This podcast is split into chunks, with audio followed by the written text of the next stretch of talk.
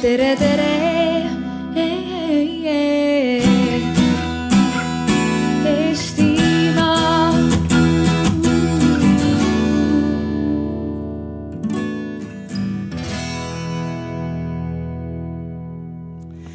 Tere kõikidele, kes te olete siia kogunenud, väga tore, et te olete Arvamusfestivalil. Ja eriti hea meel on meil, et kõikidest nendest valikutest ikkagi olete valinud metsaala ja tulnud täna siia, mis näitab, et need teemad lähevad teile korda. ja see kõik on ju väga tähtis, et Eesti mets peakski Eestis olema igaühe asi. Ja nüüd kell kaksteist algab meil esimene debatt, kell kaks järgmine ja kell neli siis tänase päeva kõige viimane metsateemaline debatt. loomulikult me loodame, et äh, te osalete ja olete, osalete debattides, olete meiega kaasas ja seetõttu ju me olemegi välja tulnud Arvamusfestivalile nende teemadega, et kuulda ka teie arvamusi. aga enne seda veel, kui me läheme üksikasjalikuks, ma annaksin sõna ministeeriumi asekantslerile Marku Lambile, kes teeb nagu päevale väikse sissejuhatuse, ütleb head sõnad kaasa. aitäh, Anu ei, aitäh, äh, tere tulemast. Äh, kell on tõesti kaksteist löönud, et, ähm, et metsaarutelud siin äh, mõnda aega on juba üsna populaarsed olnud, et päris kõik toolid veel võetud ei ole, et kui teate veel kedagi, kes siin luusib kiriku taga, et kutsuge ka siia kõik, et loodeta, loodame siin tänasel Arvamusfestivali arutelul ka vähemalt sama tulist debatti näha, kui siin viimastel aastatel kas siis meedia vahendusel või, või muidu erinevatel muudel üritustel on olnud, et omalt poolt kindlasti noh, reklaamin, et te peaksite vastu kella neljani vähemalt, et olla siis keskkonnaministeeriumi arutelul ka, et vaatame natukene tulevikku ka ja, ja, ja meil metsanduse arengukava koostamine tulemas ja, ja otsapidi juba käimas on, et ootame kindlasti, et kõik oleksid eh, nendes aruteludes ka kaasatud. ja, ja päeva sisse juhatamegi tegelikult ju selle aruteluga, et kuidas üldse siis olla kaasatud ja, ja kaasamis eh, nii-öelda, ma ei tea, siis õppimine või kaasamiskultuur, et kuidas seda nagu siin Eestis arendada ja, ja, ja, ja siin eh, päeva keskel vaatame kõiki neid metsa, nendele metsateenustele otsa. muuhulgas käige vahepeal ära ka selles äh, bussis või rekkas siin, miks kõrval on ja siin on üks näitus avatud kõikidele, ärge seda arvamuse ajal tehke, meil on vahepeal pausid ka, et siis on võimalik näha, milline on, millised valikud on siis metsa hüvede kasutamiseks täna ja, ja tulevikus, et ehk aitab natukene motivatsiooni koguda selleks, nendeks, nendeks aruteludeks siin. aga igal juhul, kellel on ka huvi faktide vastu, äh, siin nurgas on äh, ühe plate peal mõned vihikud selle kohta, mis Eesti metsad endast kujutavad. võtke neid endale ja ärge emotsioone ka tagasi hoidke, et faktid on olulised, emotsioonid samamoodi, et aga et see väga tuliseks ei lähe, siis Anu on meil siin, et seda kõike ohjeldada täna ja oleme, anname ennast tema kätte siis aitäh Markule alguse eest. niisiis, nagu te näete, ka nende pakkude peal on äh, paberid ja pliiatsid, mis tähendab ka seda, et kui teil on mõni arvamus, mille te tahate maha kirjutada, siis te saate seda teha ja jätta selle sinna lillepoti alla, need pärast äh, me korjame kokku.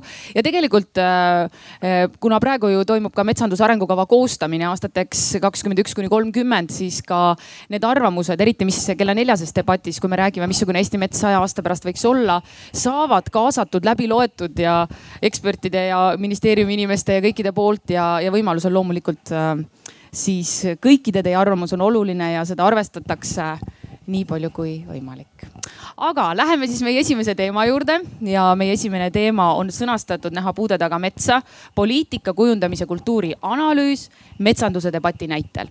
ehk et uurime, kuidas see metsanduse debatt siin ühiskonnas on meil õnnestunud või ei ole õnnestunud, sest me teame, et see on ju väga tuline, kohati on ikkagi lõhestanud ühiskonda ja metsanduse teema on kasvanud nii keskkonnaga poliitika analüüsiks kui kogu Eesti metsade tuleviku küsimuseks ja kuidas siis tegelikult ühiskonda sel teemal ikkagi lepitada.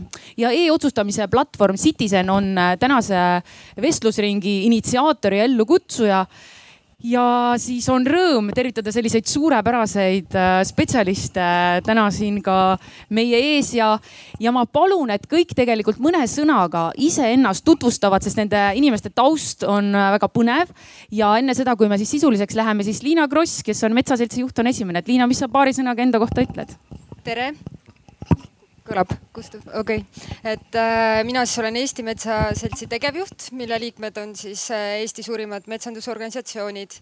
aga tegelikult ei ole ma päris üleni ainult metsasektori inimene, et äh, mul on ka selline kirju taust et äh, olen olnud ka äärmuslik looduskaitsja ja käinud ära seal täiesti, täiesti äärmuses, kus ma olen mõelnud mingitel hetkedel, et kuidas ma küll seal Soome piiril harvesterile tule otsa panen. Et äh, ja siis äh, olen ka töötanud India, Nepaali džunglites, kus ma olen siis äh, võidelnud tiigrite elupaikade eest. et, et seal on mastaabid hoopis teised. nii järg Kadri Lainas, kes siis on kommunikatsiooniekspert. ja tere kõigile minu poolt. mina olen Kadri Lainas. minu taustast võib-olla välja tuua selle, et mina olen Märk Argumenti üks idee autoritest ja kodanikualgatuse Teomeeter algataja. aga lisaks on mul selline ettevõte nagu sõnumiagentuur Akadian Daniel Vaarikuga ja minu kliendiks on Eesti Metsa ja Puidutööstuse Liit. Tarmo Tüür. mina olen Eestimaa Looduse Fondi juhatuse esimees. Elfis äh, juba üle kümne aastaga, siis metsandusse olen sügavamalt kaevunud äh, viimastel aastatel ja loodan muidugi ka edasi kaevuda ja, ja kutsun kõiki teisi ka. ja Marku Lamp, keskkonnaministeeriumi asekantsler. ja aitäh ähm, olen ka selle kaasamus, kaasamist proovinud siin äh, mõnda aega katsetada, et äh, on äh, tulnud paremini ja halvemini välja, oman eelkõige metsandusteemadel seda kogemust, aga, aga ka looduskaitses, kalandusvaldkonnas näiteks äh, ise metsanduse haridusega. ja, ja, ja võib-olla ongi see koht, kus siis rääkida neid äh, kogemusi või vahetada, et kuidas siis läbi ajaloo see on toimunud ja kuidas paremini aitäh, nii et sellised on meie äh, peategelased, spetsialistid siin nendel toolidel, aga samavõrd tähtsad loomulikult olete ka kõik teie. Läheme kohe teema juurde ja kui te lubate, siis ma esimesena küsiksingi kohe teie arvamust selle kohta, et kuidas see metsanduse debatt siis äh, nende paari aasta jooksul on äh, teile tundunud, kui ma paluksin seda hinnata viiepallisüsteemis, et kuidasmoodi see poliitika kujundamine Eestis siis selle koha pealt välja näeb, et te võiksite käega märku anda, et viis, võiks tähendada, et see debatt on ühiskonnas väga hästi läinud ja üks võiks tähendada seda, et nagu kõige paremini läinud ei ole, et et kui te annaksite käega märku, mis te arvate, kuidas see ühiskonnas on inimesi kaasanud? üks, ärge jamage, viis, spetsialist tuleb viis, neli, kaks, kaks tagant, isegi ka viis veel väga hea, neli, viis, kolm, kolm, üks. ühest viieni, mis teie näitasite ka? Teie tahtsite ka ühte näidata jah? no nii, see arvamus siin oli seinast seina, aga eks neid äh, väikseid numbreid ei tulnud ka, ei tulnud ka mitte vähe. ma ei tea, kust me peale algame, siis äkki Kadri siis sinust, et mis sa arvad, kus see, kus see king selle kaasamise puhul siis kõige rohkem äh, pitsitab? Ma tegelikult arvan, et see, et meil selline debatt ühiskonnas lahti on läinud, on jube äge. ja see, et äh, Eestis me rahvana järjest rohkem teadvustame, et mis on need keskkonnariskid ja kui oluline see loodus meie ümber on, on tegelikult väga-väga vajalik. ja mõneti on äge, et see kodanikuühiskond, millest palju on räägitud, et ta just ongi keskkonnateemadel siis nii-öelda nagu lõkkele löönud kui aga võtta nüüd nagu see teine pool, siis mm, mis ma arvan, et mikspärast võib-olla neid käsi ka siin oli, on alati see, et vastandumise tekitamine on jube lihtne. kui ma aga toon näite, et mis on ikkagi inimeste kui sellise liigi eripära või selline väga hea näide on võib-olla möödunud, ülemöödunud sajandi Venemaas, siis millalgi miljonaadlikku valitses saja kahekümne miljoni talupoja üle Venemaal, sest need miljonaadlikku tegid paremat koostööd. siis äh, läks natuke aega mööda ja kakskümmend seitse tuhat bolševikku suutsid need miljonaadlikku maha võtta, sellepärast et need kakskümmend seitse tuhat äh, bolševikud tegid paremat koostööd. ja ma arvan, et meil eestlastena, keda ka nüüd rahvusena väga-väga palju ei ole, on tegelikult see võtmekoht, et mismoodi lisaks sellele, et me näeme asju erinevalt, on ikkagi leida ka neid ühisosasid ja leida võimalusi koos asjade tegemiseks või koostööks. ja ma arvan, et see koostöö pool on võib-olla see, mis selles debatis on minu hinnangul kõige-kõige nõrgem olnud. Tarmo, mis äh, sinu arvamus on, on see koostöö pool olnud kõige nõrgem? ja et ähm, mina usun ka seda jah, et kui me räägime konfliktist, et siis kindlasti metsa saab, saab ja peabki majandama niimoodi, et, et me saame sealt oma majandustulu, et meie loodus on hoitud, inimesed on rahul ja, ja meil on ka koht, kus käia ja olla ja, ja ka, et asulate ümbert me ei võta lagedaks ja leiame seal teisi kompromisse. Et kui me räägime poliitika kujundamise kultuurist äh, metsanduse näitel, et siis see probleem on pigem see, et me noh, kuni siis viimase paari aastani noh, sisuliselt ei olegi püüdnud seda, seda kompromissi otsida nende erinevate huvide vahel et see metsapoliitika on noh, ilmselt Eesti teiste poliitikatega võrreldes eh, olnud ikkagi üks kõige läbipaistmatum poliitika. Eh, kuidas teda on kujundatud, et selgelt selliste mm, kitsa eriala inimeste eh, pärusmaa, mis on nagu ühelt poolt õige, sest eks seal on ju mingit, mingit tüüpi ekspertiisi kõige rohkem. aga teistpidi Ehm, noh, me ei kujuta näiteks ette, et hariduspoliitika oleks selline, et seda otsustavad ainult pedagoogilise haridusega inimesed. ja kui mõni lapsevanem esitab mõne küsimuse, et miks minu lapse äh, kooliga nii või naa, siis öeldakse, et sina pole ekspert ja sina ei pea sellest aru saama. et see on natuke see koht, kus me täna oleme. et nüüd on see korraga jõudnud avalikkuse ette.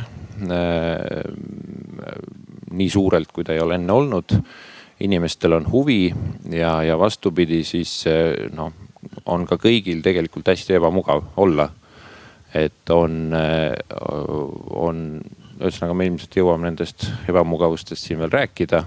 Aga pigem me peame mõtlema nüüd, et kuidas nendega leppida, astuda samm tagasi ja, ja siis, siis, siis, siis hakata seda kokkulepet, kompromissi otsima. no enne veel, kui ma Markule sõna annan, ma annaks sõna Eh, Liinale, et eh, mis, kuidas sina siis selle metsandusdebati kaardistaksid?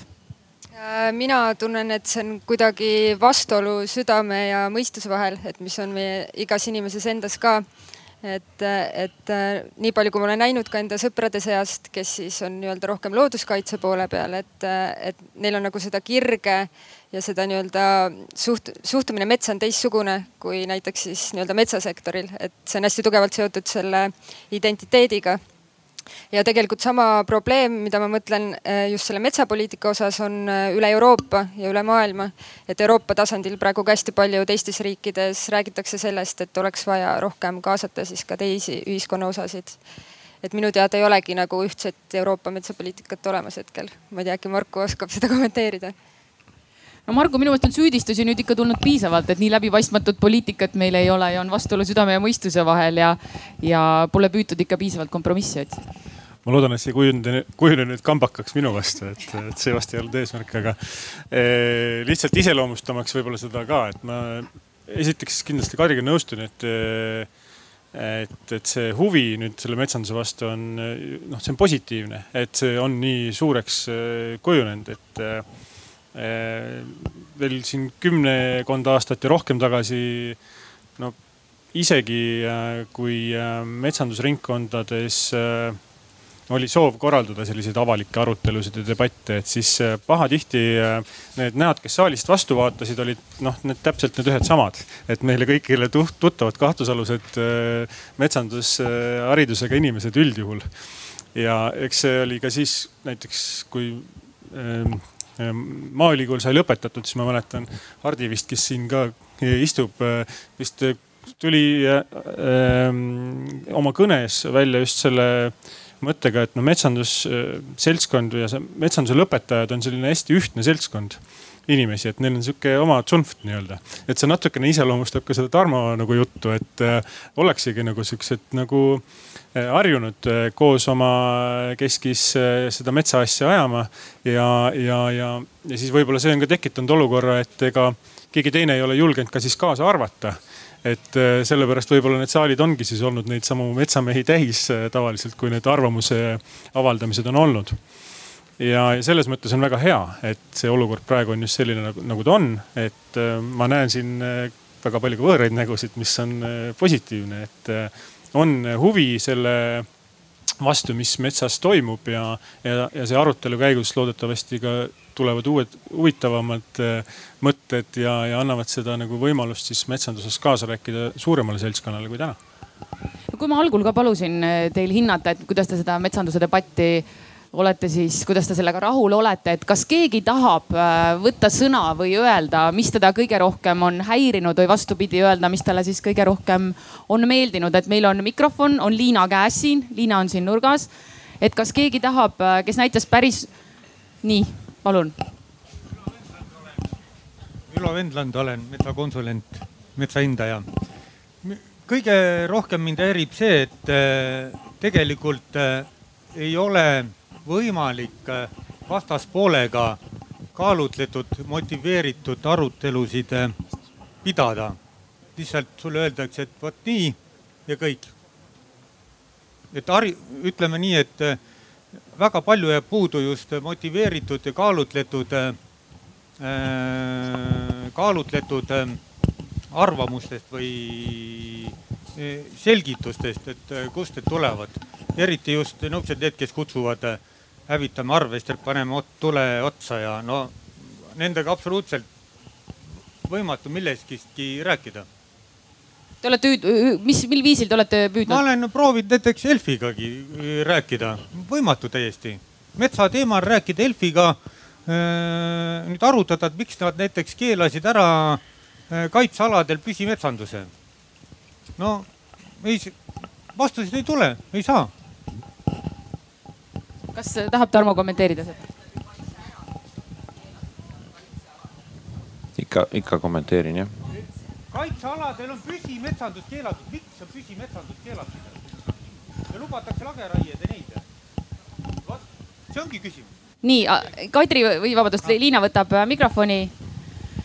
Tarmo, kas teiega on raske suhelda? no. mina ei ole Tarmoga suhelnud, aga Liina. jaa et eh, noh, esiteks, eh, esiteks ma võib-olla paneks ette, et enne, enne rääkima hakkamist eh, võiks selle sõna vastaspool sealt sinu küsimusest välja noppida ja ja, ja küsida, et kes see vastaspool siis on ja, ja mis, mis poolel siis sa ise oled, et ja noh, ma arvan, et kui me tahame metsanduses rääkida arutelust või ja metsapoliitika kujundamisest me peaks ikka rääkima kõigist osapooltest ja neid osapooli ei ole nagu äh, kaks või kolm või neli, et neid on kindlasti nagu rohkem, äh, kellega me peame nagu arvestama. ja, ja kindlasti see mm, nende erinevate osapoolte vahelise suhtluse puudumine või, või siis halb kvaliteet on kindlasti üks asi, mis on neid probleeme kaasa toonud et on eh, noh, näiteks siis eh, kehtiva arengukava eh, arutamisel ja ka mitmete metsaseaduse muudatuste puhul, et noh, Elfi, Elfina ekspertorganisatsioonina me oleme siis juba aastaid püüdnud nendes protsessides osaleda ja, ja oleme siis ka seda analüüsinud ja, ja ka välja toonud äh, artiklitena näiteks. et äh, noh, probleem on ju selles, et kui vastastikku erinevate huvidega osapooled tulevad ühte ruumi, et siis eh, on seal kriitilise tähtsusega see, et, et oleks selline vahemehe roll mida noh, jällegi ma ei taha ka teha kambakat siin nagu Markule ja ilmselt me ei peagi nagu eh, täna võiksime rohkem vaadata tulevikku ja mitte siis rääkida, mis on siiani halvasti tehtud, aga lihtsalt, et eh, küsimus ära vastata, siis ma arvan, et üks põhiprobleem on see, et et kui nende erinevate huvidega inimesed omavahel räägivad ja see vahemees ei täida seda rolli, et sa püüad eh, kehtestada seal ruumis mingid reeglid, öelda, miks me sellest räägime, eh, püüad hakata seal seda ühisosa otsima teed sellest, paned kirja, mis seekord räägiti, et järgmine kord saaks edasi minna. vot et see, selle töö kohta ongi seesama Liis Kuresoo näiteks kunagi juba viis aastat tagasi teinud artikli, et, et kui seda ei ole, et siis juhtub see, et seal ruumis küll räägitakse, aga see konflikt pigem nagu läheb suuremaks ja, ja, ja mitte ei saa siis maksvusele ei pääse, ütleme selle metsapoliitika kujundamisesse ei pääse mitte siis sisulised argumendid ja teadmised, ekspertiis, vaid siis see, et kellel on kõvem hääl kes on äh, jultunum, äh, kes, keda on äh, ruumis rohkem ja muud sellised asjad. et tegelikult see, vot see vahendaja roll peaks nagu need asjad sealt minimeerima. ja vot siis saab hakata nagu lähenema üksteisele ja seda keskosa otsima no Kadri, sa noogutasid nii aktiivselt kaasa, et, et see on nii ja kes on agressiivsem, sellel, kellel on kõvem hääl, see. ma arvan, et see on ohtlik, see on ühiskonnas ohtlik, kui me lähtume sellest, et nüüd viimase sellesama metsandusdebati puhul, et kui ikkagi keegi väga jõuliselt ühel hetkel tuleb ja ütleb, et ma tulen pikett, ma tulen piketeerin, ma teen mingit järgmist asja. ja kui need muutuvad argumentideks sisulise vestluse asemel, siis see tegelikult on ohtlik ja võib-olla, mis ma nagu laiendaksin siit veel edasi, et äh, omakorda selle metsa olulisuse puhul siis mina hakkasin metsateemaga, ma arvan, sihuke kümme kuud tagasi umbes tegelema ja mis minu jaoks on olnud kõige suurem nagu vaimustust tekitav asi on see, et ma olen äkki aru saanud, milline potentsiaal meie metsal on. ma arvan, et kes siin täna ka on kogunenud metsa teemal, needsamad keskkonnateemad, millest tegelikult hästi-hästi palju räägitakse. ja millest on tegelikult noh, globaalses plaanis, kui me, ma ei tea, võtame näiteks selle, et ma ei tea, kas te teate, et betooni tegemine maailmas on tänaseks täiesti nagu otsa lõppemas suurte laevadega veetakse liiva mandrite vahel selleks, et teha betooni. kui suure keskkonnajalajäljega see on. siin kõrval samas näiteks puitehitised või võtame, et rõivatööstus, noh puuvill on üks asi, teine see et, et seitsekümmend protsenti meie riietest tehakse naftast. noh, mis on taastumatu loodusvara, rääkimata sellest, et nende rõivaste pesemine lükkab loodusesse hästi palju mikrokiudu, mis on omakorda ohtlik tänaseks on välja töötatud tehnoloogiad, et tegelikult puidust äh, valmistada rõivaid. et sellel puidul nagu võimalusena maailmas tegelikult nagu seda meie tarbimise keskkonna jalajälge vähendada on nagu nii-nii suur võimalus. ja meil Eestis noh, tõesti metsarikka riigina on tegelikult nagu meeletu potentsiaal, millele me võiksime praegu nagu vaadata otsa, et mis me siis teeme. seda enam, et süsinikust on tänaseks maailmas saanud täiesti uus valuuta ja tegelikult lükata nagu seda debatti nagu suuremaks ja mõtelda, mis on see riik või maailm, kus me elada tahame ja kuidas me seal näeme. et mul on kohati praegu tunne, et mis on nagu selline natuke eestlaslik võib-olla vahel debattides, et äh, on ikkagi see, et jõuame kompromissini, mis on see, et millest sina loobud ja millest mina loobun. selle asemel, et leida, mis on see ühisosa, millest me kõik võiksime võita ja just selle väikese riigina see, et millest me kõik võiksime võita, et meil on tegelikult meie metsadesse peavad mahtuma looduskaitsealad, loomad, mustikametsad, metsarajad, aga samamoodi ka lageraielangid. küsimus on see, kuidas me selle nagu noh, ei ole ju üks või teine, küsimus on see, kuidas me selle nagu omavahel kokku lepime. ja see on tegelikult see eesmärk. ma näen, et üks punase mütsiga härra tahab meie vestlusesse hetkeks sekkuda kus on Liina mikrofoniga, tuleb. ei tööta.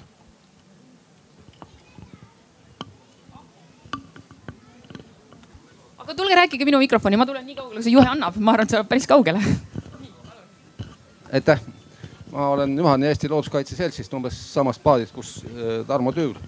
aga äh, noh, ma ei hakka mingeid sisulisi asju siin arutama, kuna teemaks on, eks ole, miks see debatt käib meil nii ja naa ja miks, miks ühiskonnas, eks ole, viisakalt või, või kultuurselt või kuidas tahes või ütleme tulemusele orienteeritult seda debatti ei ole õnnestunud kujundada. aga tähendab, meie oma seltsis oleme natuke selle probleemi ees, et, et kui tuleb iga minister on algatanud mingisuguse metsaseaduse muudatuse, eks ole. osal on need muudatused õnnestunud, teistel ei ole ja kuidagi järg on kadunud käest ära et mis siis tegelikult to toimub, mis tegelikult eks ole kehtib, et selleks peaks jubedalt pühenduma pühenduma sellesse protsessi, et, et, et niimoodi asja järje peal hoida, et mis sa, Tarmo, arvad, kas see võib olla ka üheks põhjuseks, mispärast see debatt on selline, nagu ta on? Et meil ei ole niisugust noh, kes peab jubedalt pühenduma ja, ja jube, jube pingsalt jälgima, et, et aru saada, mis pinnal me oleme.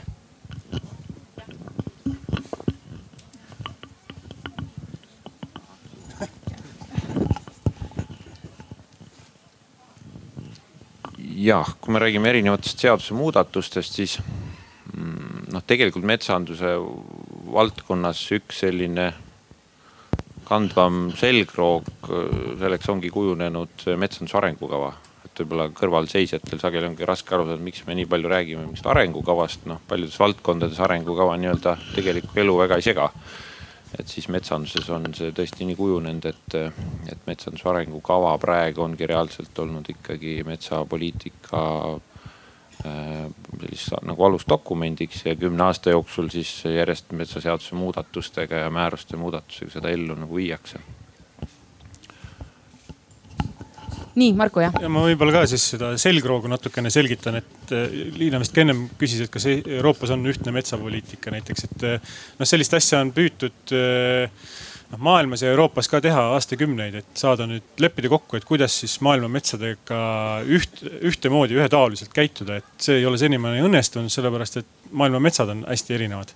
et siin Euroopa regioonis oleks see sellele võib-olla kõige lähemal isegi et neid reegleid kokku leppida ja, ja noh, Euroopas on, on äh, selline strateegiadokument küll olemas, mil noh ja annab selle raami ja Eesti on selles kenasti sees ja selle üle võtnud ja, ja, ja, ja, ja selles mõttes ei ole nagu Eesti metsanduse strateegilised valikud kuidagi nagu teistsugused kui mujal maailmas. et no meil on sellest võib-olla tõesti sellest inimeste, ühiskonna noh eri kihtide kaasamisest siis nagu olnud see küsimus, et, et kas kõik saavad aru, miks, milliseid otsuseid on siis tehtud nagu ja, ja metsaseaduse muudatusi muidugi, et selles mõttes eh, Juhanil õigus, et väga tihti eh, Eesti noor riik eh, eluolu ümberringi pidevas muutumises ja, ja kohanetakse ja, ja, ja muudetakse. et ei ole nagu noh, Belgia, kellel metsaseadus on vist aastast tuhat kaheksasada midagi. et oleks noh, selles mõttes abiks kindlasti, kui mingid reeglid oleks ühetaoliselt kogu aeg kokku lepitud, aitaks ilmselt orienteeruda paremini, et, et tõepoolest no, nõustun, et et eh, pidevad muutused noh ühiskonnas eh, toimuvad ja nendega kõigiga kaasas käia ei saa ma tahaks Liina juurde pöörduda, et Liina, sa ennist tutvustades ennast ütlesid ka tegelikult, et sa oled olnud äh, selline loodusaktivist, kirglik ja väga äärmuslik. ja kui me sellest, äh, ma tahaks kahte asja su käest küsida, kõigepealt selle aktivismi poole pealt, et kui sa oled ise olnud seal sees tegelikult aktivist ja praegu on ju ka väga palju aktiviste, kes üsna, üsna kõvahäälselt ja oma asju ajavad, et et esiteks, et kas, kas aktivistina kõvahäälselt ja agressiivne olla on nagu kergem ennast kuuldavaks teha või, või millest selline käitumismall on tingitud? Äh, see ilmselt tekibki siis, kui sul on jõuetuse hetk või sa tunned, et sa oled korduvalt peaga vastu betoonseina jooksnud, et sa kirjutad kuskile, sulle tulevad hästi sellised äh, kuivad äh, vastused, mis viitavad seadustele. tavainimesel on seadustest keeruline aru saada, seal on ka tihtipeale igasugused trikid sees. et võib-olla siinkohal aitaks, et kui sa kuhugi teatud ametkonda kirjutad, millegi üle muret tunned, et see ametnik ei vasta lihtsalt ühe lausega ja ei pane sinna alla nii-öelda seaduspunkti, vaid ta selgitab natukene ka laiemalt kogu seda seda temaatikat lahti. et äh, aktivistide puhul ma olen noh endale raputan ka tuhka pähe, et millest ma üks hetk aru sain, oli see, et äh, ma olin väga pealiskaudne. et äh, kõik oli hästi emotsioonipõhine ja siis, kui sul ümber teised aktivistid ka, siis sa muutud veel emotsionaalsemaks ja siis lõpuks tekibki selline nii-öelda üksteist ülesküttev grupeering ja siis äh, on väga kerge seal nii-öelda seda mõistust äh, kaotada. aga ühel hetkel ma sain aru nii-öelda, et, et ka loodusaktivistide seas äh, on teinekord ka nii-öelda topeltstandardid ja ma tundsin, et mul on vaja leida see enda tasakaal. aga selle tasakaalu leidmiseks sa pead ikkagi õppima tundma siis ka seda nii-öelda ma ei taha öelda teist poolt, aga ühesõnaga siis ma otsustasin, et hakkan metsandusse rohkem süvenema ja sealt selle tasakaalu ma praegu olen ka saanud ja ma näen äh, ka hetkel nende aktivistide puhul, et, äh, et ega nad, vabandust, võib-olla ma kedagi solvan, aga ega nad väga sügavalt asjasse ei süvene et kui sa satud kellegiga rääkima, siis tavaliselt see vestlus piirdub kahe-kolme lausega. ma ei pea silmas selfie praegu, sellega on kõik korras. et äh, lihtsalt ühesõnaga, et inimesed peaksid natukene rohkem lugema ja natuke ennast rohkem harima, et mina tundsin, et minu puhul jäi sellest palju puudu kunagi kas ma saan aru, Liina, et keegi soovib meie vestlusesse tulla? jah ja,, et, et asi tasakaalus oleks, et minu nimi on Imre ja ma olen metsamees.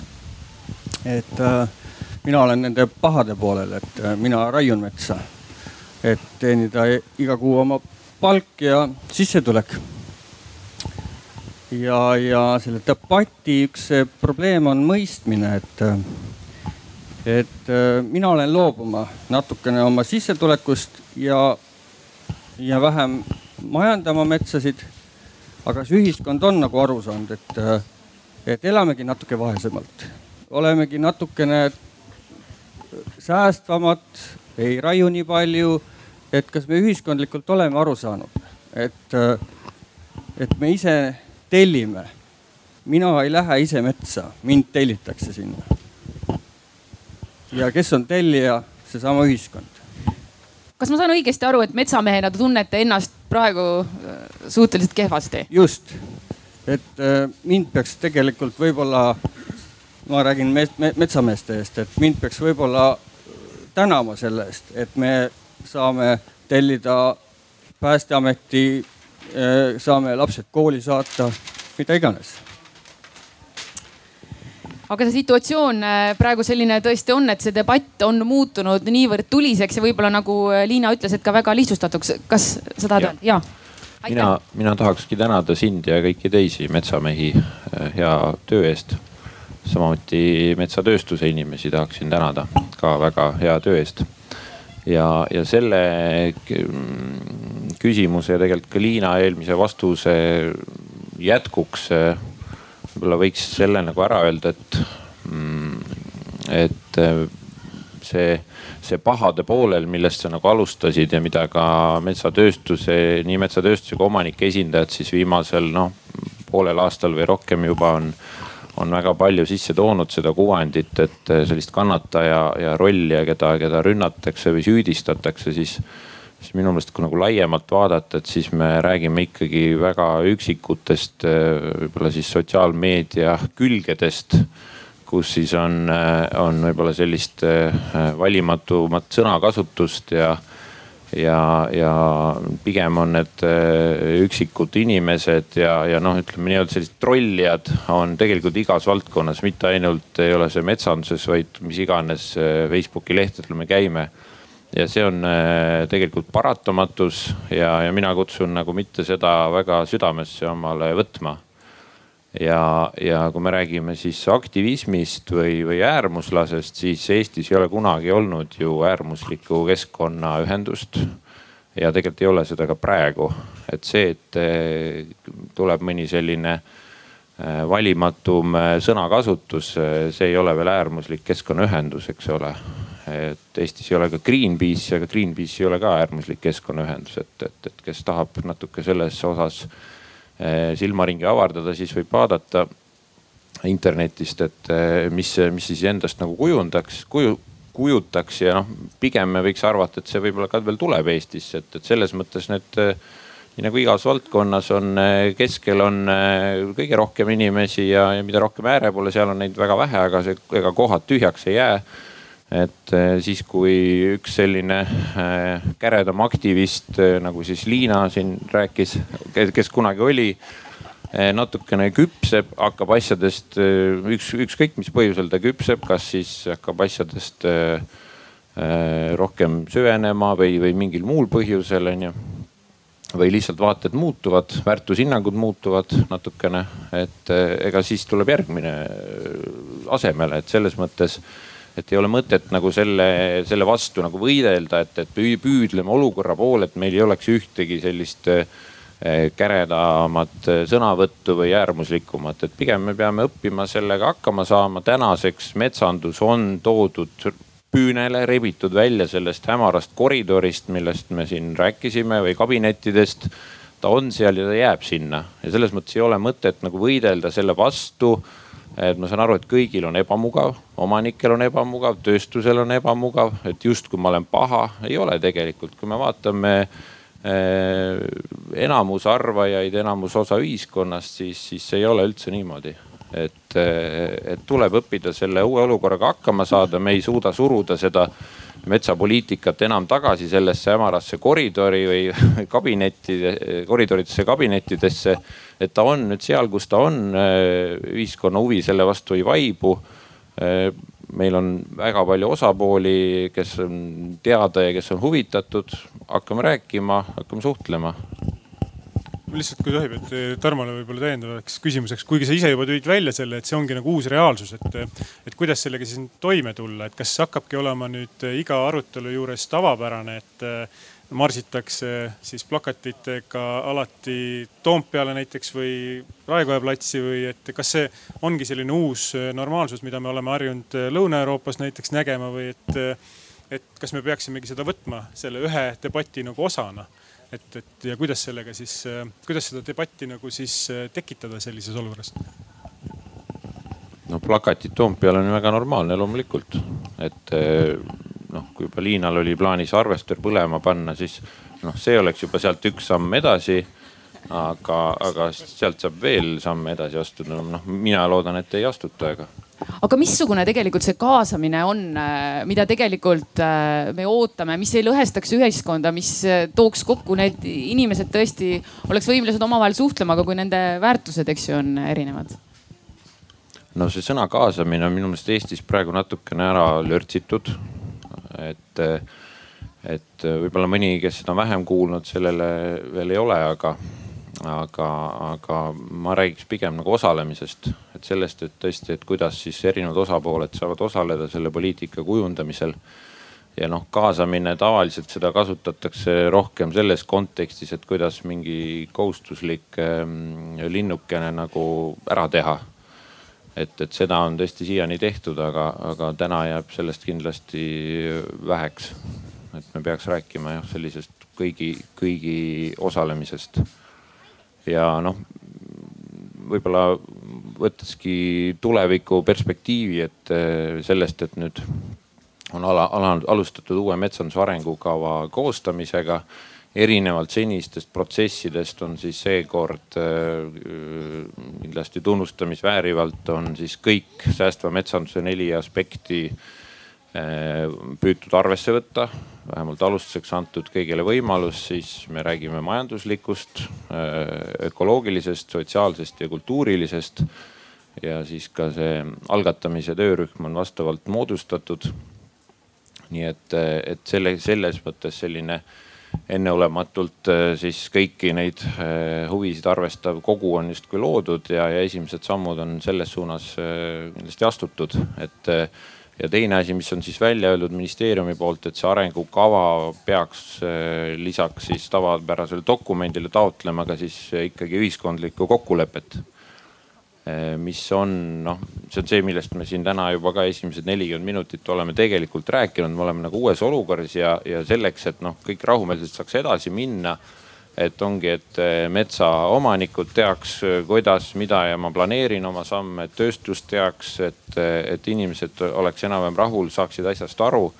et, et siis see ongi see, et mil, miks me räägime arengukavaga seoses, et meil on vaja uut ühiskondlikku kokkulepet ja, ja noh, täna on minu meelest hästi oluline, et kõik osapooled ka Eh, saaksid aru, miks meil seda vaja on, eks ole, et, et natukene nüüd esimese poole aasta jooksul on juba tunda olnud, et, et seda ei ole veel päris lõpuni endale teadvustatud, et et ma loodan, et täna saame sellest ka ühe väikse sammukese edasi astuda, et ka siis see seni poliitikas harjunud olema see kildkond või tsunft, nagu sa Marko nimetasid, et, et, et kõik saaksid aru, et see kokkulepe ongi selleks vajalik, et selles uues reaalsuses saaksime normaalsemalt edasi minna. lihtsalt ka seda metsanduse arengukava protsessi võib-olla kasutan ära, et, et tutvustada teistele ka siis tõesti, et oleme algatanud need arutelud metsanduse uue arengukava koostamiseks selle aastaga soovime saada sellise lähteülesande kokku, et äh, valitsuselt heakskiit saada ja, ja, ja metsanduse arengukava siis päriselt koos, äh, koostama hakata. et tõesti, need neli töörühma on äh, kokku kutsutud, oleme püüdnud sinna neid valdkondlikke eksperte saada nii palju kui võimalik ja, ja, ja ka mitte ainult siis eksperte, vaid ka neid, kes tõesti huvi metsanduse vastu tunnevad ja ja mm, ütleme nii, et panna nad siis ka mõnevõrra ebamugavasse positsiooni, et, et rääkidagi siis ja, ja kuulata üksteist, mis on nagu isegi olulisem kui rääkimine. et ja, ja viia neid ka siis ka keskkonna mõttes tegelikult a la noh, metsatööstuse esindajaid kultuuriinimeste kuskile pühamusse ja vastupidi äh, äh looduskaitseaktiviste, noh kas näiteks saetööstusse või tutvustada seda nagu valdkonna tervikut, et me kõik saaksime tegelikult ühtemoodi aru, et millest me siis nagu räägime nendest tulevikuvalikutes ja, ja see laiapõhjalisus, millest siin juttu oli, püüdsime ka seda viimasel korral, kui kõik koos, koos olime, aru saada, et, et kas nüüd, et mis need Eesti demokraatias siin see kõige laiapõhjalisem valik siis üldse nagu on ja, ja selles nagu väga kahtlust ei olnud, et Riigikogu peaks seda nagu esindama. et äh, metsanduse arengukava on üks nendest vähestest, üks kahest vist arengukavast Eestis jah, mis äh, metsa, mis, mis siis Riigikogu tasandil kokku lepitakse ja, ja seal need valikud tehakse ja, ja ka kehtiv arengukava seal selle heakskiidu sai ja mida siin võib-olla rohkem vaja oleks lisaks sellele, et me kaasame inimesi, et noh, tundub ka, et eh, poliitilisel tasandil on see debatt olnud selline nii-öelda mustvalge seni, et nendest valikutest siis eh, nendele otsustajatele viia see eh, noh, mingi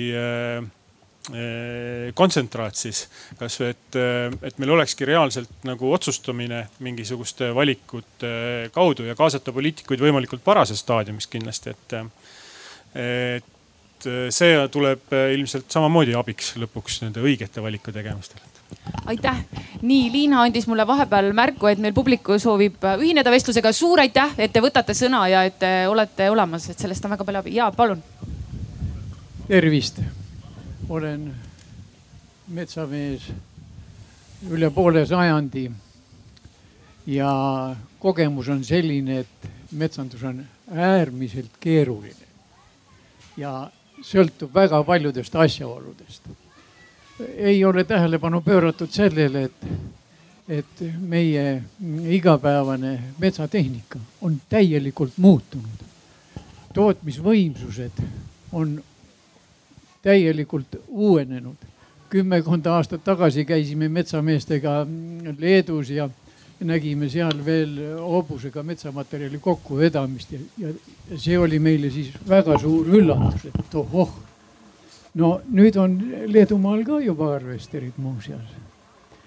ja, ja ka noh, väikese metsaomaniku mure on see, et et selles keerulises situatsioonis tema toodang ei lähe kaubaks, sellepärast et ei ole kaubanduslikku kogust. maht on liiga väike. Kõige hullem on see raiejäätmete ärakasutamine, et kui seda on niivõrd väikses koguses, siis seda suurtehnikat ei ole võimalik seal üldse rakendada. ja rentaablus ei tule ots otsaga kokku aga millele ma kõige rohkem tähelepanu tahaks pöörata, on see, et tegelikult on üks väärt asi, see on metsanduse hea tava. Ja see ei saa kujuneda välja keerulises situatsioonis kiiresti. nii et kõik need protsessid tegelikult metsanduses võtavad küllalt palju aega. no lähipäevadest üks muljetavaldav väljend oli see, et kahekümne hektarine lank raiuti Eestimaal, et issand jumal, missugune ülekohus. Rootsis on kahekümne hektarised eh, lageraielangid täitsa tavaline asi, sest nendel olid juba varem suurem tehnika kui, kui meil. ainuke asi, mis meil on, et, et meil need säilikpuude ja seemnepuude ja nende mm, no üldse nendega tegelemine on meil äärmiselt ebaõnnestunud selle tõttu, et torm murrab need koheselt maha. Ja, ja kui keset metsakultuuri on maha langenud puud, siis ega seal midagi palju siis järele ei jää. ja, ja seda tormikahju ka te, suure tehnikaga likvideerida ei saa, sellepärast metsakultuur on ees no vot ja niiviisi tekivad need, need arusaamatused ja kui me tahame ikkagi normaalselt edasi jõuda, siis võtame reaalsusena praegu kasutusel oleva tehnika ja tehnoloogia. ja vastavalt sellele siis saame ka oma metsanduse head tava kohendada. see võtab kõik aega ja selleks soovin kõigile edu, aitäh.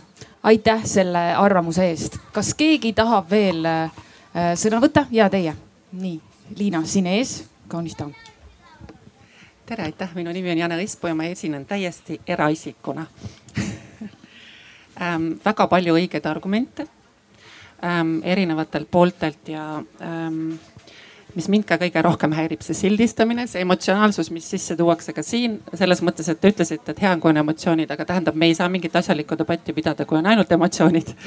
ja väga nõustun selles mõttes Tarmo Tüüri äh, arvamusega, et asjalik debatt on struktuuritud, kus lepitakse kokku, okei okay,, selle me nüüd arutasime läbi, seal on meil ühine arvamus, sealt lähme edasi ja nii edasi.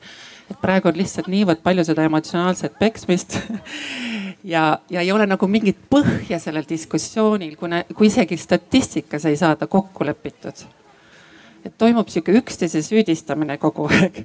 ja ma ei oska ka öelda, kes siin rohkem süüdi on, lihtsalt mõlemad pooled lähevad liiga emotsionaalseks ära ja ausalt öeldes, kui, kui meie oma väiksel regionaalsel tasandil suhtleme näiteks ka RMK-ga või keskkonnaministeeriumiga. me ei saa ka nendega ka asjalikku debatti pidada, sellepärast et meile saadetakse needsamad standardvastused, et ainuke variant on lageraie ja muud ei olegi ja need ei ole meie jaoks ka enam loogilised argumendid, et kuidas lageraie on nagu selles linna, otse linna vahetusläheduses aluva, asuval sihukesel metsa pargil, kuidas see nagu ainuke võimalus, et see ei ole nagu ka argument, et me tahaks nagu sisulist diskussiooni ka nende otsustajatega. ja, ja ma nõustun ka väga sellega, et debatt on tulnud koridoridest välja, debatt on ruumis olemas ja osapooled peavad sellega ka harjuma. et peab lihtsalt harjuma sellega, et noh, selles mõttes noh plakatid ei ole iseenesest halvad, mina oleks ka rohkem selle poolt, kui oleks ka sisulist debatti, kui olekski vaja plakateid. et harvesteri ma küll ei soovitaks kellelegi põlema panna, sest metsamehed ei ole milleski süüdi, süsteem on see, selle või äh, puudu on meil lihtsalt sellest struktuurist sellest strateegilisest põhjast, strateegilisest väljavaatest, mida me oma metsaga tahame, kuidas ta täidab kõiki neid erinevaid, äh, nagu me ütlesime, neid erinevaid äh, vajadusi, ei ole ainult majandamise vajadus, on ka teised vajadused, kuigi majandamine on väga oluline. aga tuleb kokku leppida ja siis ei süüdistata ka neid äh, metsamehi ainult millegipärast. Ähm, vaid tuleb see lihtsalt kokku leppida. Ja viimane punkt ma tahtsin öelda, me rääkisime ka poliitikasse toomisest. Praegusel hetkel on natuke raske väita seda, et noh, poliitikud ja riigikogu peab nagu otsustama või seda noh, muidugi nad otsustavad, aga tähendab mina küll ei mäleta, et eelmistes valimisvõitlustes on väga palju nagu metsast juttu olnud, et inimesed ju ei teagi, et mis, mis positsioonil need parteid siis on. ja mind hämmastab see, et kui teema on tegelikult niivõrd aktuaalne praegu ja, ja on suhteliselt domineeriv meie avalikus debatis, et miks nagu parteid õieti ennast nüüd ei positsioneeri, meil on seitse, seitse kuud valimisteni. mina tahan küll valijana teada saada, kes ütleb mida metsa kohta ja vastavalt selle, kui see minule on see oluline teema, siis ma valin ka selle järgi et minu arust see, see, see, see diskussioon peab selles mõttes ka professionaliseeruma nüüd, et see tuleb ikkagi ka poliitika, poliitilisse debatti ja parteid võtavad seda ka tõsiselt, mitte ei räägi ainult noh, teatud teemadest, mis nii-öelda müüvad pikki aastaid, on maksude langetamine. see on oluline debatt ja ma eeldan, et, et inimesed, keda ma valin, ka ütlevad mulle, millisel positsioonil nad on mina isiklikult kardan väga sellest, kui metsateemast saab meie järgmiste valimiste üks peateemasid, sest ma julgen väita, et see ei vii meid paraku mitte lähemale sellele, et tekiks sisuline debatt, vaid populism, pealiskaudsus kasvavad veelgi. ja võib-olla see nagu mingi hulga üleskütmine ka läbi mingi hirmu või viha või võib-olla millegi, just kellelegi või millelegi vastandamisele on see, mida me siin metsas ei tohiks tegelikult nagu võimendada veel kord et kui ma olen selle metsadebatiga nagu vaatan seda nagu, siis mina ütleks, et äh, mis minu jaoks on võib-olla huvitav ja mida me siin nagu, nagu püüame kuidagi nagu ka omalt poolt vaadata, on, mis on eestlastele väga omane, on ohvri rolli tekkimine. ja mis minul ongi tunne, on, et meil on tekkinud kaks osapoolt, kus mõlemad tänaseks sõnastavad, et nemad on ohvrid. ja ohvri, ennast nagu ohvrina defineerimine on hästi ohtlik ma nüüd võin rääkida, et seda teevad väga sageli just näiteks naised, kes võtavad endale ohvri rolli ja siis sul on tunne, et sa oled nagu, sa võid käituda piire lõhkuvalt, lubamatult, sest ma olen ju varem kannatanud ja noh, Eesti rahvana me armastame ka ohvri rolli aeg-ajalt võtta, me oleme niigi kannatanud. ja kui meil nüüd tekivad nagu vastandleerid, kus ohvrid on ühel pool ja ohvrid on teisel pool, siis tegelikult see nagu piiride tekitamine selleks, et see sisuline debatt sinna vahele tekiks, on nagu veel raskem ja, mida ma võin ka inimesena ütelda, et kui sellest nagu ohvri positsioonist lahti lasta, et tegelikult ma ei ole ohver, tegelikult on kõik hästi. me lihtsalt peame seda teemat arutama, siis see mõjub nagu nii vabastavalt ja annab nagu nii palju uusi võimalusi. aga mul on kohati nagu just nagu selle sotsiaalmeedia võimenduse üle, kus need äärmused tegelikult hakkavad omakorda veel kajama, tekibki ühel poolel tunne, et, et meid tahetakse põlema panna ja teisel poolel tunne, et Äh, ma ei tea, meid süüdistatakse ka mingisuguses täiesti absurdsuses ja siis see võimendub veelgi. aga tegelikult, kui inimesed omavahel kokku tulevad ja räägivad, siis mul on tunne, et see ühisosa on nagu nii, nii palju suurem, kui seal sotsiaalmeedias kuskilt nurgast välja paistab. aitäh ja meil tuleb üks arvamus rahva seast veel mulle meeldib see PR-tegelaste oskus teha ei millestki midagi et see on, see on nagu suurepärane. Aleksander Laane Rohelistest. et, ähm, et kui te ütlete, et plakatiga tänavale tulemine või kodanikuinitsiatiiv on äh, ohtlik ja sellest rääkimine isegi on ohtlik, et siis see on samaväärne sellise mõttega, et rääkida metsa langetamisest on ka väga ohtlik. et noh, ärme, ärme räägi üldse, eks ole.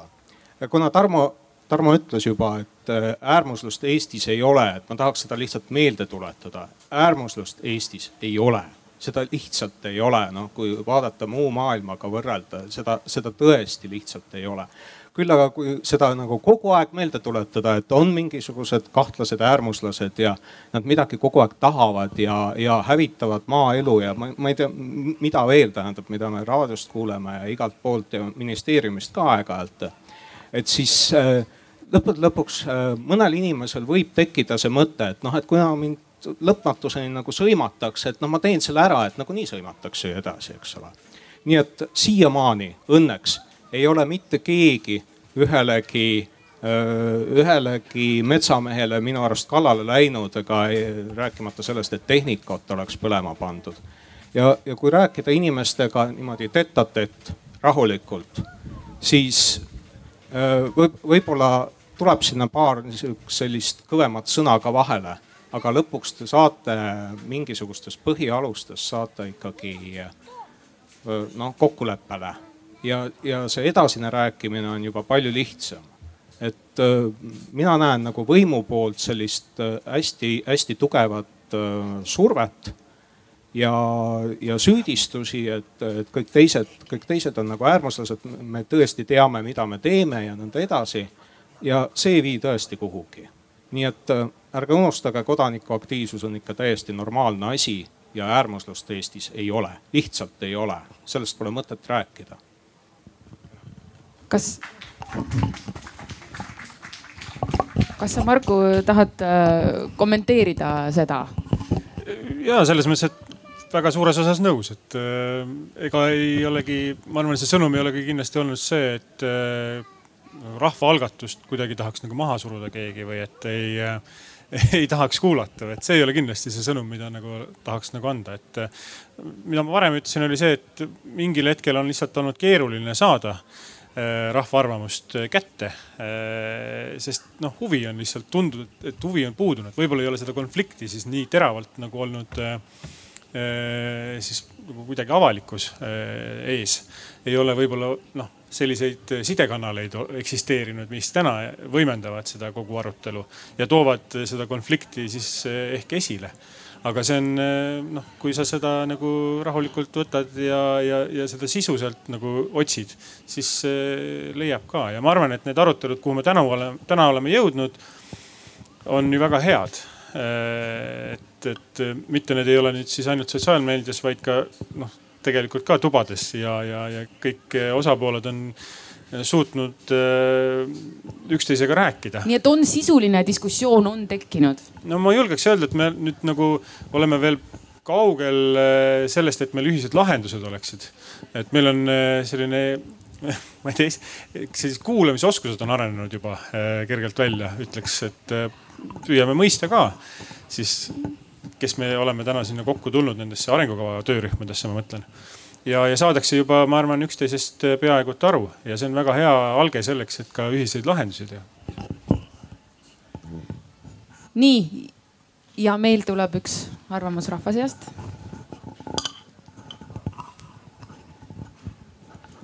Mina olen Toomas Peremetsa omanik.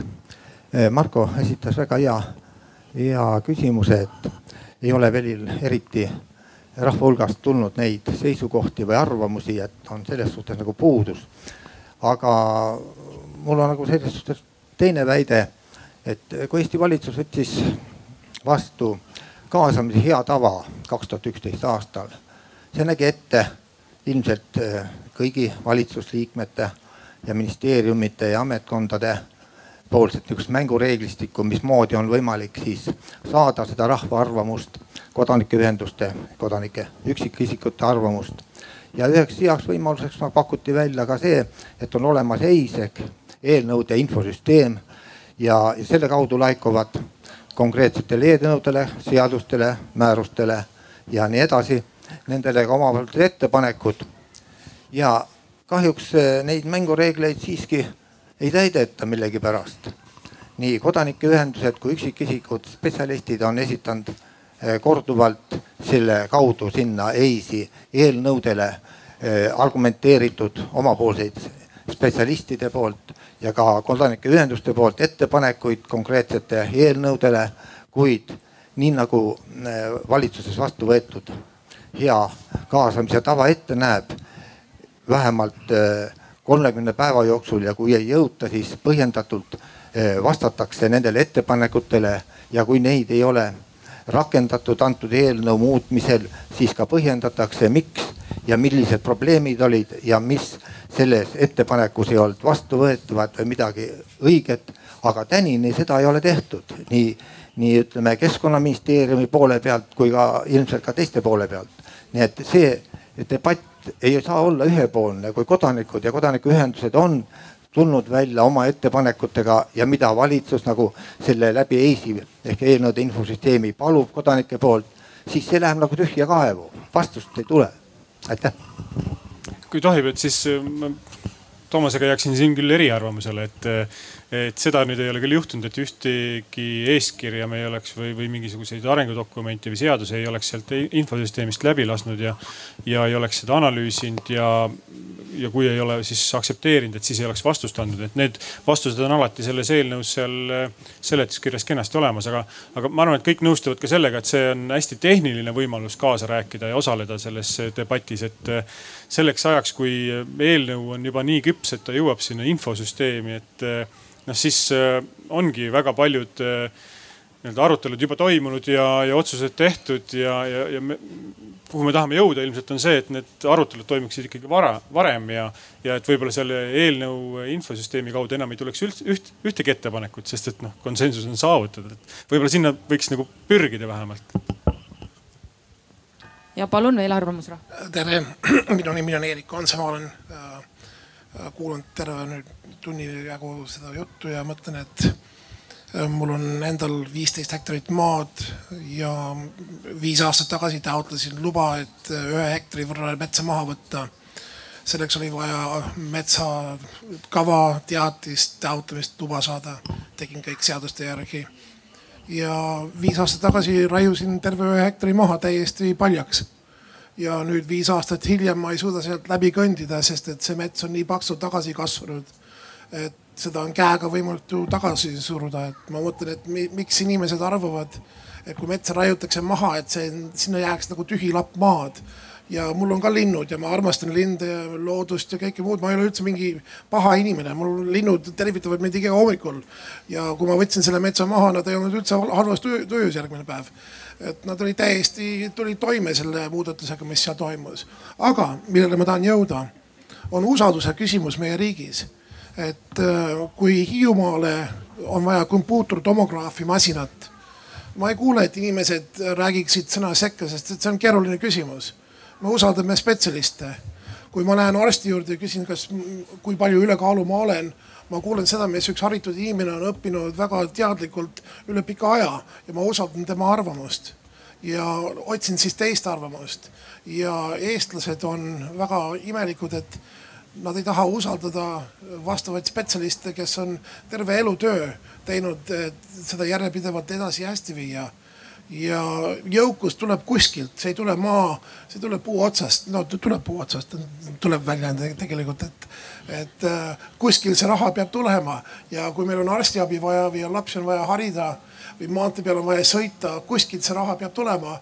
ja ma olen uhke, et me majandame seda metsa hästi, mitte halvasti ja palju suurem patt oleks, kui me raiskaksime seda ressurssi ja ei teeks nii head, kui me praegu teeme, aga ma loodan lihtsalt, et äh, see ahel mis on selles tegevuses, et äh, kui need inimesed, kes teevad seda ausalt, jäävad aususele, kui ma vaatan Eesti Looduse Fondi ja teiste poole, kes võitlevad nii-öelda piirangute suhtes, siis kurb on tõdeda, et äh, väga paljud inimesed tõdevad, et, et äh, sõjas on kõik lubatud. ehk siis mõni väike vale on lubatud selleks, et tagada eesmärki. on väga palju räägitud, kus on konnad toodud äh, lihtsalt kohale, et siis määrata looduskaitseala või kus on lindupesasid toodud ja kus bioloogid valetavad üht kui teist kui kolmandat. ja see on tõde, mis kõik rahvas teab, aga sellele pigistakse silm kinni ja sellega lepitakse. ja siis küsitletakse, kui me teeme statistika inventuuri pidamist ja seda, et öeldakse, et me teeme seda kõik halvasti ja see on kõik vandenõu. no ma vandenõud ei ole kunagi elus näinud, mis oleks nii ulatuslik, et suudaks üleval pidada sellist asja Eestis, aga ma vaatan, et äh, eraomand on kuidagi kaotanud enda tähtsuse ja äh, ma vaatan Looduse Fondi ja aktivistide suunas ja ma mõtlen, et, et äh, maanteed on nendele samamoodi, arstid on samamoodi, et kust kõik see raha tuleb. aitäh selle arvamuse eest. kas tegelikult kompetentsi küsimus, see, mis siin praegu ka üles tekkis, on aktuaalne või on see, et igaüks on spetsialist? ma ei tea, Kadri või Liina äkki? Äh, ennem keegi mainis, et metsandus on äh, väga keeruline valdkond ja ega tavainimene sellest päris lõpuni aru ei saagi. ja sellepärast, äh, et kuna täiesti lõpuni aru ka ei saada, on hästi kerged tekkima igasugused algatused ja võitlused erinevate projektide vastu aga tihtipeale on ka see, et kui see nii-öelda siis põhjused ja nii-öelda metsandusega seonduv lahti selgitada, siis nii-öelda Äh, vastumeelsus vaibub, et äh, Soome rahvuspargi, park on näiteks väga hea näide selles osas. et kus kohalikud ka võitlesid päris äh, tugevasti ja soovisid, et üleüldse RMK raied Soome rahvuspargis keelustataks, igasugused raied. ja lõpuks siis nad said aru, et noh, et tegelikult midagi ikka on seal vaja teha, et need metsad seal ka tulevikus püsima jääksid ja minu arust on üleüldse noh, inimestega rääkides ongi ikka see, mina olen ka ehe näide, et ma ikkagi enne siia tööle asumist teadsin väga vähe metsandusest ja nüüd ma iga päevaga õpin ja kasvan ja avastan enda jaoks, et issand, enne ma mõtlesin sellele asjale hoopis teistmoodi. ja nüüd mulle tundub kõik täiesti loogiline, et äh, ma arvan, et siin on hästi suur töö teha ka tulevikus metsasektoril. et siis harida ühiskonda metsandusteemadel ja tegelikult ka ühiskond võiks äh, meid usaldada sest need inimesed on aastakümneid seda kõike õppinud. aitäh ja arvamus? tere, mina olen Riina ja täiesti eraisikuna. Äh, metsandusega ei ole eriti kokku puutunud, olen kunstnik. Äh, seega emotsioon puhvab puhtalt. Äh, väga tänan kõiki argumenteeritud arvamusi, mida ma siin olen täna kuulnud. samas on mul tunne, et kas see arvamusfestival aitab nagu tõepoolest kaasata rohkem inimesi. ma ei näe Linda-Mari Välit EMA-st, et on ta siin või ei ole. et kus, kus on Linda-Mari Väli, äh, kellel on kahtlemata väga argumenteeritud küsimusi küsida metsa arengu ja metsa, metsanduse koha pealt. et äh, aga jah, põhimõtteliselt ma loeksin ühe kunstnikuna, eks ole, mida, mida ma ikka oskan. loeksin ühe väikse luule. Viljaväljade kuldne kuumus põleb mets loojuvas päikeses. silme ees keerlevad rohekad lehedollarid, pimestavad pilgu. puu jääb ette laiemale vaatele. aitäh.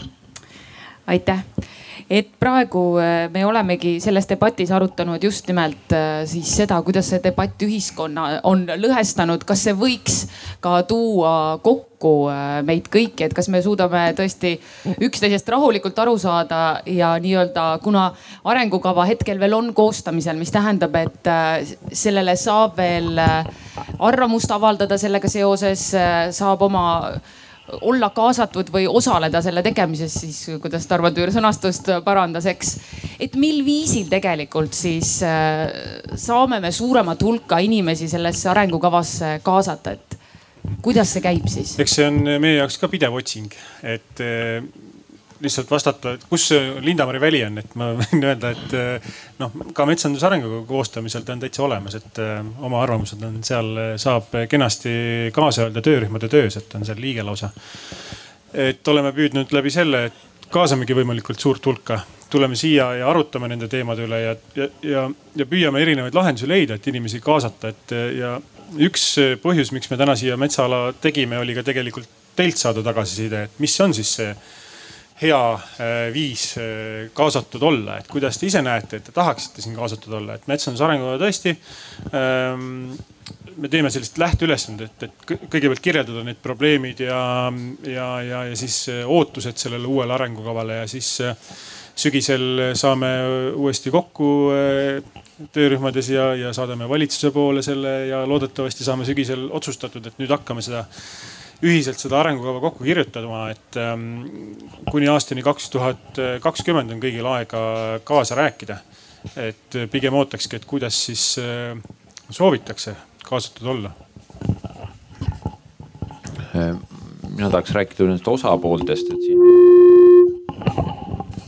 siin on äh, ka nii publiku seast kui paneelist ikkagi sõnavõttudest läbi käinud see selline kahe osapoole või vastaspoole nagu retoorika et tahaks ikkagi kutsuda üles inimesi mõtlema natuke, et see natuke sihuke mõttelaiskus, et meil ei ole kahte osapoolt, et kas keegi oskab need kaks osapoolt nagu nimetada, et noh.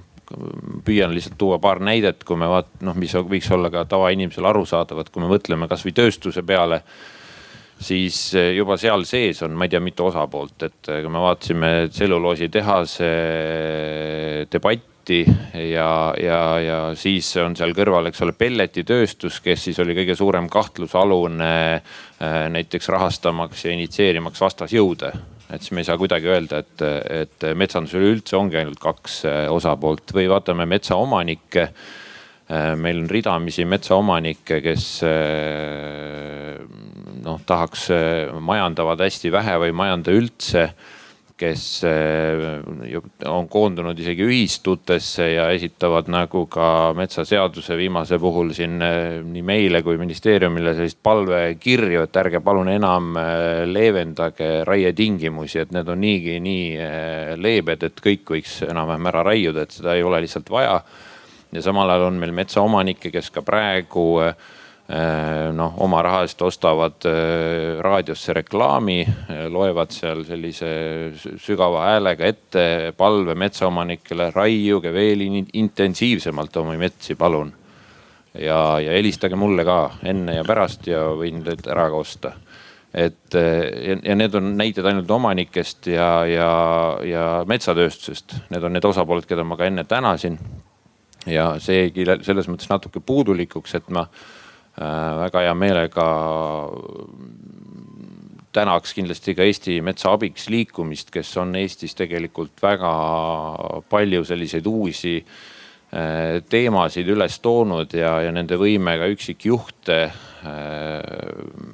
välja tuua ja võidelda nende eest ja, ja ühendada just selliseid inimesi või tuua kuuldavale, kes, kes, kes muidu seda ei, ei suuda et ma arvan, et see on väga tänuväärne, et ta on viinud äh, meid kõiki, sealhulgas selliseid klassikalisi või, või pikema ajalooga ekspertorganisatsioone nagu ELF näiteks, keda mina esindan või ka teised keskkonnaorganisatsioonid, ka meid, aga ministeeriumi samamoodi tööstuste omanikud on viinud meid kõiki ka natukene sellisest mugavustsoonist välja. Aga ma arvan, et see ongi hästi vajalik selleks, et me leiaksime uusi ja, ja paremaid lahendusi, et samamoodi tahaks tänada neid osapooli, kes nüüd on juba siis läbi arengukava leidnud võimaluse ja tulnud siis selle mm, arengukava töögruppi ja metsanduse juurde kaasa mõtlema, kes ei ole seda varem teinud, nagu loodusturismi ettevõtjad eh, kes loodusfotograafiaga tegelevad, eh, kes metsa kõrvalkasutusega tegelevad, samamoodi kultuuriinimesed kes siis ka metsa, nende kultuuri ja, ja samamoodi sotsiaalseid väärtusi püüavad esindada. ja, ja kindlasti on veel palju neid, keda ei, ei ole sinna olnud võimalus kaasata, nii et, et see on tegelikult see, see osapoolte rikkus, et, et me ei saa mingist aspektist rääkida nagu kahest osapoolest, et see täpselt sama rikas, kui see mets ise on ja seal elav, ela, elavad äh, linnud näiteks äh,. et täpselt sama rikas peab olema ka see poliitikas osalejate protsess ja noh, kui me räägime siis nendest lindudest, kes äh, õnneks on heas tujus veel et siis noh, tegelikult ornitoloogiaühingu uuringud äh, näitavad, mis on siis mingi kolme-neljakümne aastane aegrida, et metsaga seotud linnu, linnustik on ikkagi väga palju kahanenud Eestis. et et, et selles mõttes ja noh, selliseid märke on veel, et sellest, mis, mis seal metsas tegelikult toimub, sellest me täna ei ole väga palju rääkinud, ei ole ka praegu vähemalt aega, aga, aga see on see, mis kindlasti muretsema paneb. aga sellest me räägime täna hilisemas debatis veel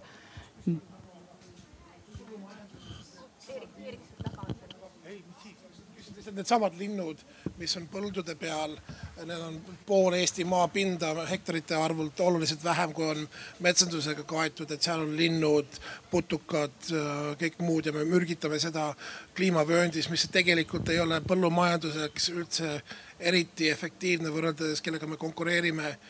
sellest ei räägita üldse sisuliselt ja kui me vaatame, et äh, raie, te nimetasite need organisatsioonid, kes on keskkonna, kas Metsatööstuse Liit ei ole ka keskkonnaorganisatsioon, sest et me propageerime keskkonnasõbralikku ehitamist, millega me päästame, ütleme maailmas kõige enim reostavat keskkonda, mis on betooni-rauatööstus, mis läheb ehitusele.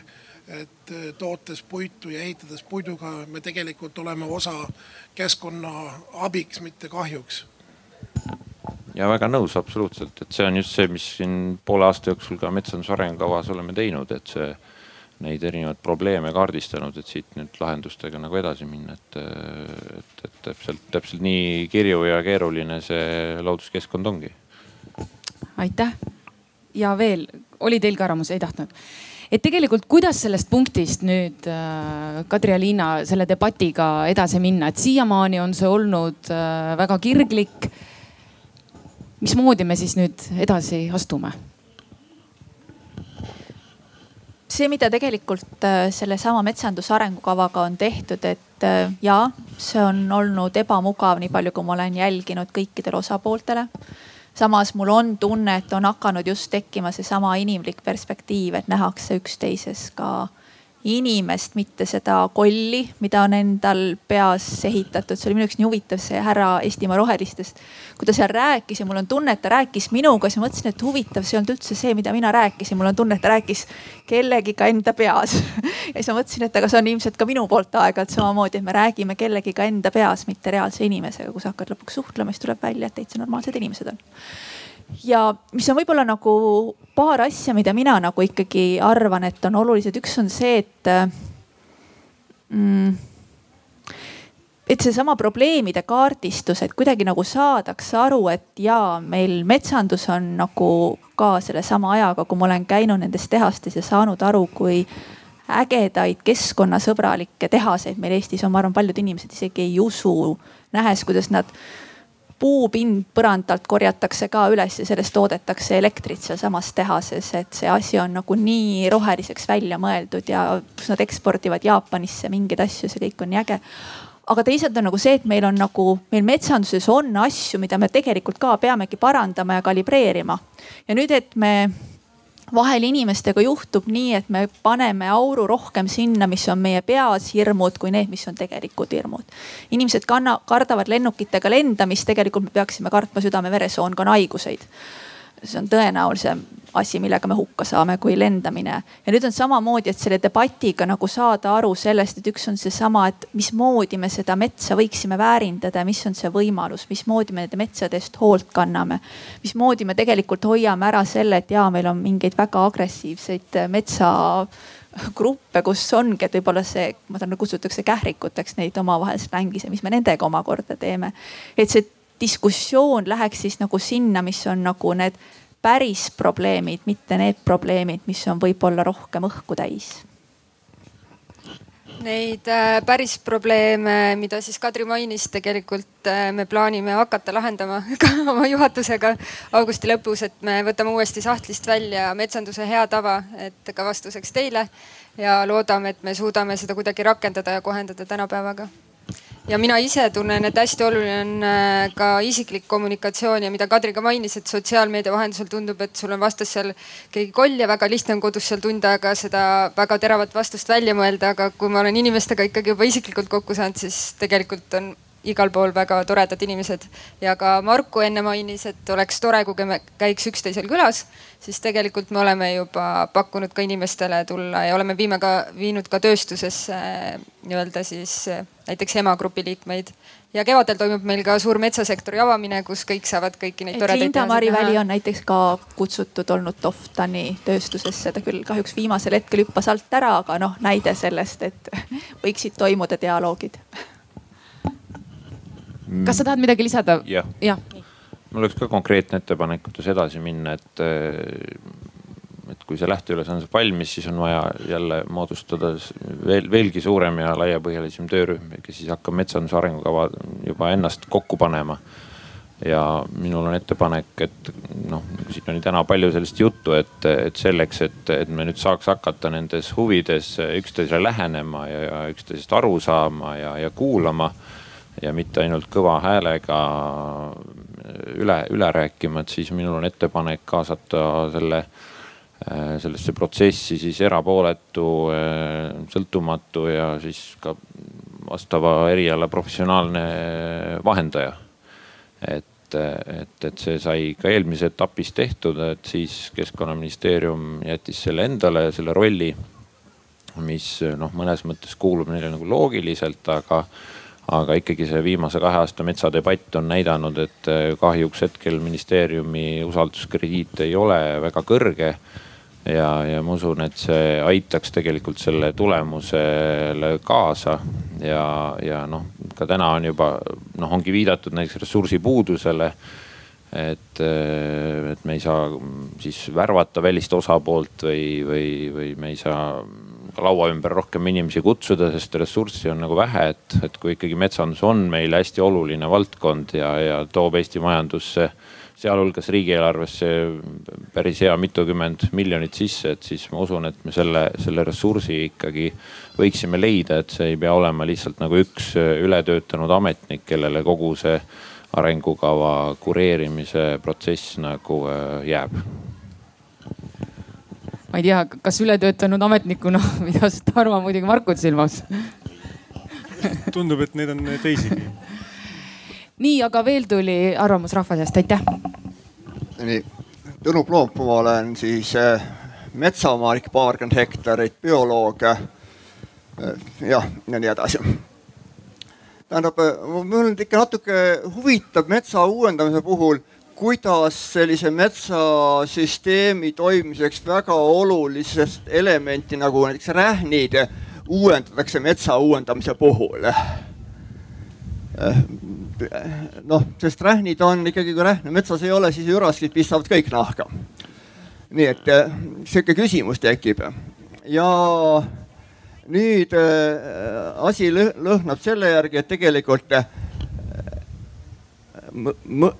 et möödarääkimise põhjus on selles, et sama sõna kasutatakse erinevate mõistete tähistamiseks. metsa ei ole võimalik uuendada, puistut on võimalik uuendada või ütleme, tselluloosi tootmise maad on võimalik uuendada tselluloosi tootmisühikuid on võimalik uuendada. metsa uuendamisega on väga raske. nii, ja, ja nüüd me ilmselt üks, üks oluline asi, mis tuleks selgeks teha selle majanduse puhul on see, et et metsa majandamine ei ole see, kui me üritame saada sealt kätte maksimum tselluloosi, see on tselluloosi majandus, toortselluloosi majandamine. metsa majandamine võiks sisaldada ka puidu kvaliteedile rõhuvat majandamist, see on juba järgmine aste. Ja, ja metsa majandamine peaks sisaldama ka veel täiendavaid funktsioone, rekreatsioon ja kõik, et alles siis, kui metsa, metsamaad majandatakse polüfunktsionaalselt, võiks rääkida metsamajandusest. kui majandatakse ainult puitu,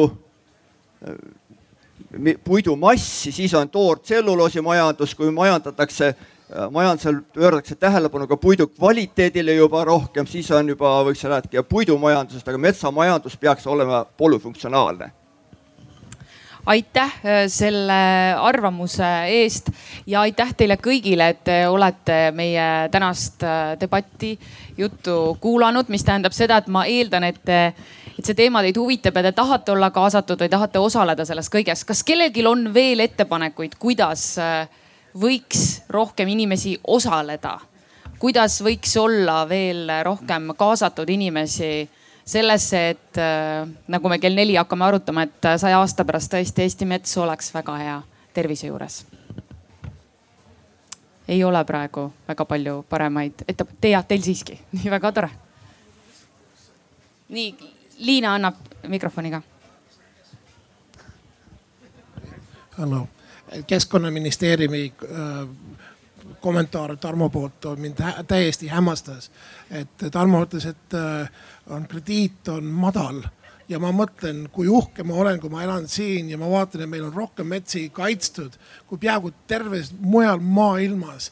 Äh, kui sa kõnnid, iga kolmas samm või iga, õigemini iga neljas samm on kaitstud metsa mitte kuskil ei ole seda maailmas, mu vend on ornitoloog Kanadas ja ta käib siin külas ja ta ütleb mulle, et vau wow,, kui oleks ainult nii hästi mujal RMK, kes on äh, koostöös Keskkonnaministeeriumiga loonud meile unelmatud rajad, mille puhul äh, unustada töömuresid ja minna looduse rüppe, see on kõik tänu sellele, mis meie ministeeriumid ja organisatsioonid teevad. ma arvan, et me võiksime mõnikord mõelda selle heale ja öelda aitäh, mitte öelda, no ma ei saa siin niimoodi öelda, nagu öeldakse, aga tegelikult aitäh.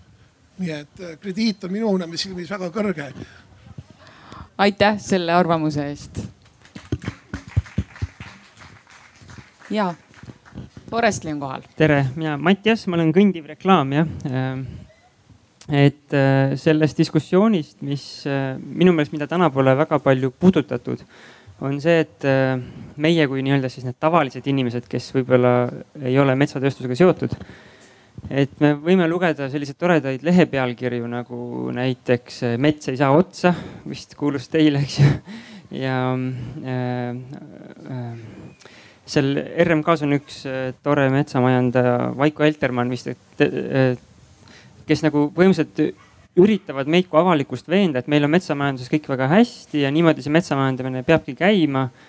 Ähm, ja samas näiteks kui võtta lihtsalt needsamad Eesti Metsa see aastaraamat, kus on äh, kümnete aastate kaupa, kui palju meil näiteks on kuusikuid. ja siis vaadata, kui me jätkame tänast raiumist, siis noh, seal ongi näha, et kaheksateist aasta pärast meil on kõik kuusikud, mis on raieküpsed, on otsas, et noh, et see lihtsalt ei saa, ei saa tänasel. see on tõsi, ma olen seda läbi arvutanud. noh, te võite seda näidata, aga ma võin teile näidata oma arvutusi, et selles mõttes äh, noh, see kahjuks on niimoodi, et täna me lihtsalt raiume väga palju ja siis mingi hetk meil noh kuusikud on erineva vanusega ja siis lihtsalt me jookseme sellisesse kohta, kus meil enam raieküpset metsa, vähemalt kuusikuid ei ole, männikutega on palju parem seis. Ehm, ja et, et see suur samm, mis minu meelest võiks juhtuda, on siis, on siis nagu rääkidagi sellest asjast nagu rohkem niimoodi, nagu see on, et mulle tundub, et meie kui need siis rohelised, kui ma ennast sinna loen, et me nagu ütleme, et kõik on metsas, eks ju, põhimõtteliselt. Ja siis metsamajandajad ütlevad, kõik on hästi ja need kaks poolt on noh, väga raske on kokku tulla, kui, kui seal ei noh, ei paista nagu sellist ausust olevat nendes numbrites. ausus on siis see, mis välja toodi. Aga meie tänane debatiaeg õige pea hakkab äh, läbi saama ja me oleme rääkinud sellest, kuidas me siit võiks edasi minna selle debatiga rahulikult. ja ma ei tea, kas me sõnastame ka õppetunnid, mis on see, mida me mitte mingil juhul enam korrata ei tohi, mis möödunud kahe aasta jooksul on nagu täiesti nihu läinud, et kas, äh, kas mõningate lühikat, lühikeste vastute raames äh, te, te tahate midagi veel ekstra välja tuua? Mis võiks mitte äh, aastate jooksul, mis meid ees ootab, äh, korduda? ei, nii halvasti, ei Marku siiski ei, ei taha midagi halvasti öelda.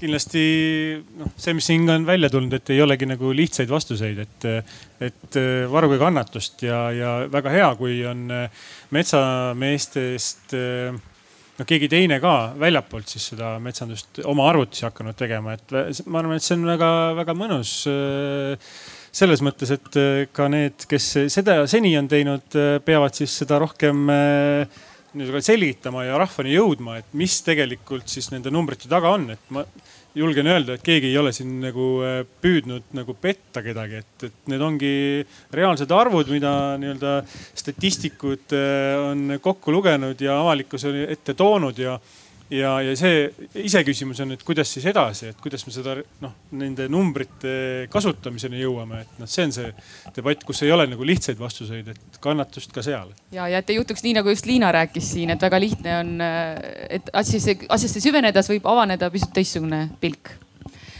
aga suur aitäh veel kord kõikidele meie vestlusringis osalejatele, Liina Kross, Kadri Lainas, Tarmo Tüür ja Marku lamp oli väga põnev, suur aitäh teile, et te nii aktiivselt osalesite.